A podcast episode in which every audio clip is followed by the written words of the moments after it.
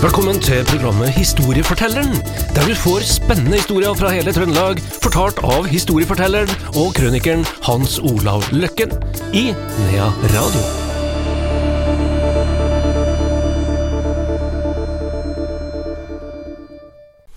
Da er historiefortelleren klar her i Nea Radio. Det skal handle om eh, en episode. Det er et fly som faktisk eh, kommer ned over, eh, over eh, Stjørdal. Og vi snakker om året 1943. Hans Olav Løkken, vår historieforteller. Det er jo litt spesielt. Det er temmelig spesielt. Veldig unikt på mange måter. Og det er så spesielt at det er vel ingen som tror på det, kanskje. Men eh, For å si det sånn, du har fått det bekrefta. har fått det bekrefta, det jeg skal bevise det og sånn. Og, og det er så interessant å fortelle den historien her, for den, den, eh, den, den, eh, den første dokumentasjonen og sånn, det kommer altså fra noen unger, da.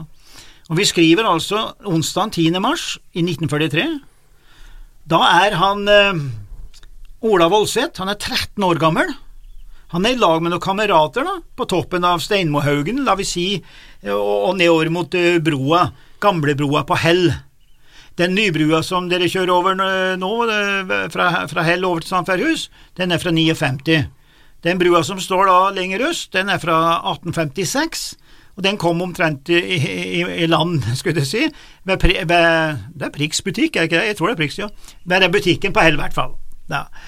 Så det var der de lekte seg med brukarene.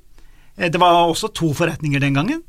Der, så der det var forretning og kiosk og sånn, der var jo ungene selvfølgelig, og så rundt omkring. Så de drev nå der, og temperaturen var bra, og de lekte seg og, og, og sånn, og det begynte å nærme seg middagstider. Og eh, det var han Ola Voldseth og en som heter Trygve Moen, og, og, og, og en som het Johan E. Olsen. Han var litt yngre, han, da. Men eh, de drev nå der, og så eh, Du kan være helt sikker på at de visste om alle fly på Værnes, disse ungene. De kjente flytypen. Ja, de kjente dem på motoren. De kunne alt om fly. Nei, krig, ja, nei, men det kom og gikk, fly. Og det, var, og det er klart, hvis det var uvanlige lyder, så merka han dem en eneste gang, sånn.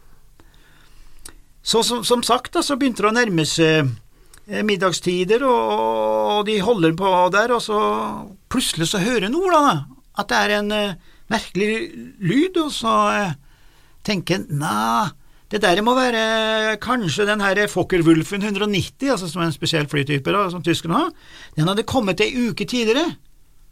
Og så tenkte han ah, der kommer det, for det er stjernemotor, så han hører at der er Fokkeren som kommer, 13 år gammel, husk det.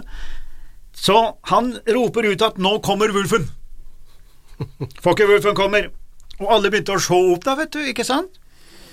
Og plutselig så sier han, ja, se der, sier han, Johan E. Olsen, som er da den yngste av dem, akkurat som de ikke andre har sett ikke sant, så var han frampå med fingeren og sa, så der kommer han, og sånn, og da ser de et fly som beveger seg da, over der vi kalte Malvikgården der det da, som forretning ved, ved Priksen der i dag da, beveger kjøm direkte mot dem, mot brokaret, svinger brått til høyre, det kom inn fra øst altså, det, kom fra Selbu i gåsehudene, skal vi si, og så svinger av 90 grader med brokaret på, på gamlebrua og over mot sjølve flyplassen.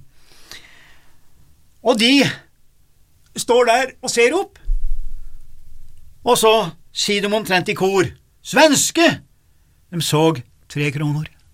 Store tre kroner som svenskene har både på ving og buk og overalt, ikke sant, det de, hadde de den gangen, det har de nå, da, som er her. Og jo da, så de roper svensk. Og i samme øyeblikk så begynner batteriene å spille opp. 88 millimeter som sto da både på Sandberghus, det sto med hell, de hadde De kunne, kunne lagt lokk på hele Værnes med, med de batteriene sine. Det vi kaller flak, da, flog av verdkanonen, altså flak som mange sier da, men det er tysk. Så det spilte opp, vet du, og de skjøt i alle vinkler, så den var eh, pumpa av skudd og alt mulig. Flyveren han kommer da mot rullebanen, og så gjør han en 90 graders sving til venstre.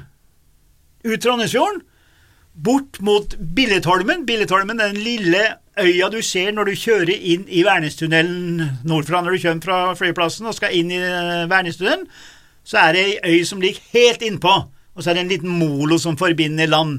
Det kaller vi Billetholmen. Og der forsvinner det bak, og forsvinner flyet. Og så ble det jo selvfølgelig hvem blir den første som skal fortelle nyheten?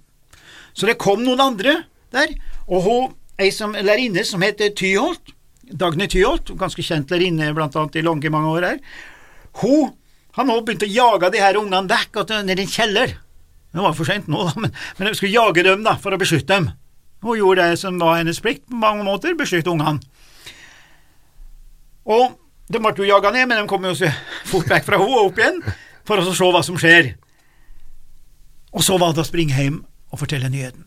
På veien så møtte de da noen nordmenn, og de sa bare tull. Forbannede rakarunger, kom dere hjem og sånn, ikke sant? Så kom det noen tyske offiserer gående, sier Ola. Og så sier Ola til dem, Sverische Flugzeug. Ja, ja, sier den ene offiseren. Svedish, han. Så springer han Ola hjem. Fortell nyheten til mora som står og gjør middagen klar hjemme. Altså Nå er hjemmet bare en 100 meter unna, så det er jo akkurat det i nærheten der. Spring inn til mora vet du, og skal fortelle, men hun skjønte jo ikke et dust, selvfølgelig. Det er jeg ville gjort heller hvis jeg kom og sagt det. Da. Og han sprang inn på sitt rom, tegnet flymaskin, nøyaktig sånn som en hadde på Memory, og Ola Voldseth som voksen ble sivilarkitekt. Han hadde det allerede i genene med det her, og tegna flyet, og den tegninga finnes jo selvfølgelig i familien den dag i dag. Men det var ingen som ville tro på han. Jeg har da snakka med alle de tre her og fått det her dokumentert. du har til og med tegninga? Har til og med tegninga. Har alt sammen. Og begynte å undersøke. Undersøkte og undersøkte, fant ikke ut noen ting. Her er ganske naturlig i og for seg, de skrev liksom ikke akkurat om sånne ting, tror jeg, verken tyskerne eller svenskene, men det må ha gå an å finne ut. Og jeg er jo sånn at jeg blir jo så jæklig irritert hvis jeg ikke klarer det. En svakhet jeg har, er forferdelig. Jeg blir så sint. At, og så ble jeg sintere og sintere på svenskene, for jeg tok det jo opp med Krigsarkivet. Svenskene har krigsarkiv, de, vet du. Svenskene de har egne eh, militære historikere. Det har jo de fleste land, men ikke Nola Dunk. Hvorfor har ikke vi militære historikere? Men svenskene har det, jeg kjenner jo flere meg og å hjelpe med fra Krigsarkivet. De har eget uh, system på dette. Og Der hadde de litt kontakt, så jeg tok kontakt med Krigsarkivet og sa at nå må dere jaggu hjelpe meg her, og så må dere skjerpe dere, for det, prøver å skjule noe for meg her. Da, og han, Per Claesson der, da, en som jeg hjelpa med der, han bare flira, han, vet du, og, og sånn, da, og, og sa nei, det, det, jo, nei da, du skal hjelpe meg, sa jeg, for jeg vet at dere har det, må ikke late som noe her. Men det er jo klart det er sensitivt, det er jo selvfølgelig nedgradert og alt mulig. Men når du er først hen på en historie, så gir du ikke, vet du. Og så tenkte jeg nei, svarte, det her skal ikke svenskene komme seg unna, unna med. Og jeg i natt og fikk ikke sove. Og og klokka var tre-fire, så jeg ga henne opp, og sto nå i, og tok meg en dusj. og Dro på Værnes og kjøpte meg direkte flybillett og der, og fløy til Oslo og skifta fly og dro til Stockholm og kom dit eh, der og sto eh, litt før ni og banka på døra på eh, Krigsarkivet inne i Stockholm og sa hør her, nå er jeg her. nå er jeg her, så nå slipper du ikke unna. Her. og den var kjempegreie, altså. det var kjempegreie, var ikke noe problem. Det gikk bare noen minutter, og de henta og kom med trillebår med eller sånn skyvegreie, da, og med det de hadde og alt mulig, og vi bladde og herja sto i og sånn, da. Og så var det han herre Per, da, vet du. Nja, vi skal nå vel klare å finne ut det, vi går oss en tur. Og så gikk vi til Utenriksdepartementet, da.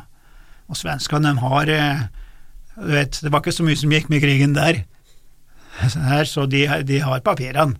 Og svenskene er flinke folk, og de har et bra system, og svenskene er dyktige og er veldig grei. De er greie når du bare får slått i bordet til dem litt av og til og sier at nå må ikke skjule dette lenger, og vi fant det. Vi fant det, har det skriftlig fra protokollene, nøyaktig. De innrømmer at det var eh, eh, grensekrenkelse. Da, og de har liksom skrevet at det var mulig med en annen da, som har skrevet at det kunne være mulig for, eh, for feilnavigering. Men det holder ikke til meg, vet du, så jeg to kontakter med flyvere som har flydd på den skvadronen, svenske, og som har flydd det der Severskij-flyet der, eh, som er en J9, da, en spesiell flytype, det er den første jagerflyet som hadde innfellbar eh, understell. Og det var to stykker om bord i det flyet, og flyveren som sitter fremst der, da, hvis, hvis, det skjedde noe teknisk og måtte hoppe, så hadde han en pinne, trepinne, og på den pinnen står det 'hoppa' på, som kasta pinnen bak til han som satt bak, og når han fikk den i fanget, da, så skulle han hoppe ut. det var den enkleste form for begynne med en katapult og så skyte ut. da. Her. Fantastisk, ikke sant? Bare den lille historien der om at de hadde en pinne de brukte. Og der spora jeg da opp selvfølgelig personen som var på skvadron, og han sier feilnavigering. Du vet, de kaller det ikke, ikke jagerflyver, de kaller det jakt. Jaktplan, sier svenskene. Her gikk ikke an å fly feil. Totalt bare tull, sier han. Og jeg har eh, vært i kontakt med en annen som var i SAS og litt sånn, som også hjelper meg. Så jeg bare tuller. Det var en direkte krenkelse. Bevisst. Bevisst. Skulle man teste tyskerne? Eller var det en eller annen som tok seg til rette? Det var to flyvere, for det står jo da i PO-en, altså i den her eh, PM-en, mener jeg, eh, der, at det var to jaktplan som hadde krenket grensen. Men vi så ikke den andre, eller de så ikke den andre, da, men det var to. Var det dem som fant på det? Men å fly innover Værnes, de måtte jo vite at det var sementert med flekk, liksom, ikke sant? De ville jo bli skutt ned i løpet av split of second, likevel så gjorde de det. Det er det som er det forunderlige i det her. Det er jo bare flaks. Og hvis de var blitt skutt ned, da hadde det blitt kolossalt bråk, ikke sant? Men tyskerne var avhengig av svenskene, vet du. Så de vil kanskje ikke ha gjort noe likevel, mener da noen av disse svenskene jeg prata med. De har antagelig ikke gjort noe med det her, fordi det var et godt forhold med å få tyske tropper gjennom Sverige og sånn. Så de skjøt egentlig uten å sikte veldig godt? Ja, det jeg vet ikke om de gjorde, for jeg tror kanskje at de kunne skutt det ned. Også. Eller kanskje kom de på etterskudd, da. Mm.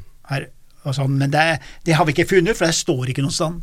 Så eh, vi, vi, vi har jo eh, snakka med Huitfeldt og det her, det her, som jeg kjenner, de her som kan veldig mye, som, som gjør at jeg når dem ikke opp til kneet eh, på, på, sånne ting. Og eh, de sier at det, det, kan være så mange forklaringer. Men at det kunne blitt dramatikk ut av det, det er det ingen tvil om. Det er liksom ikke hver dag at den svenske flyr over Bernes. under krigen, i hvert fall.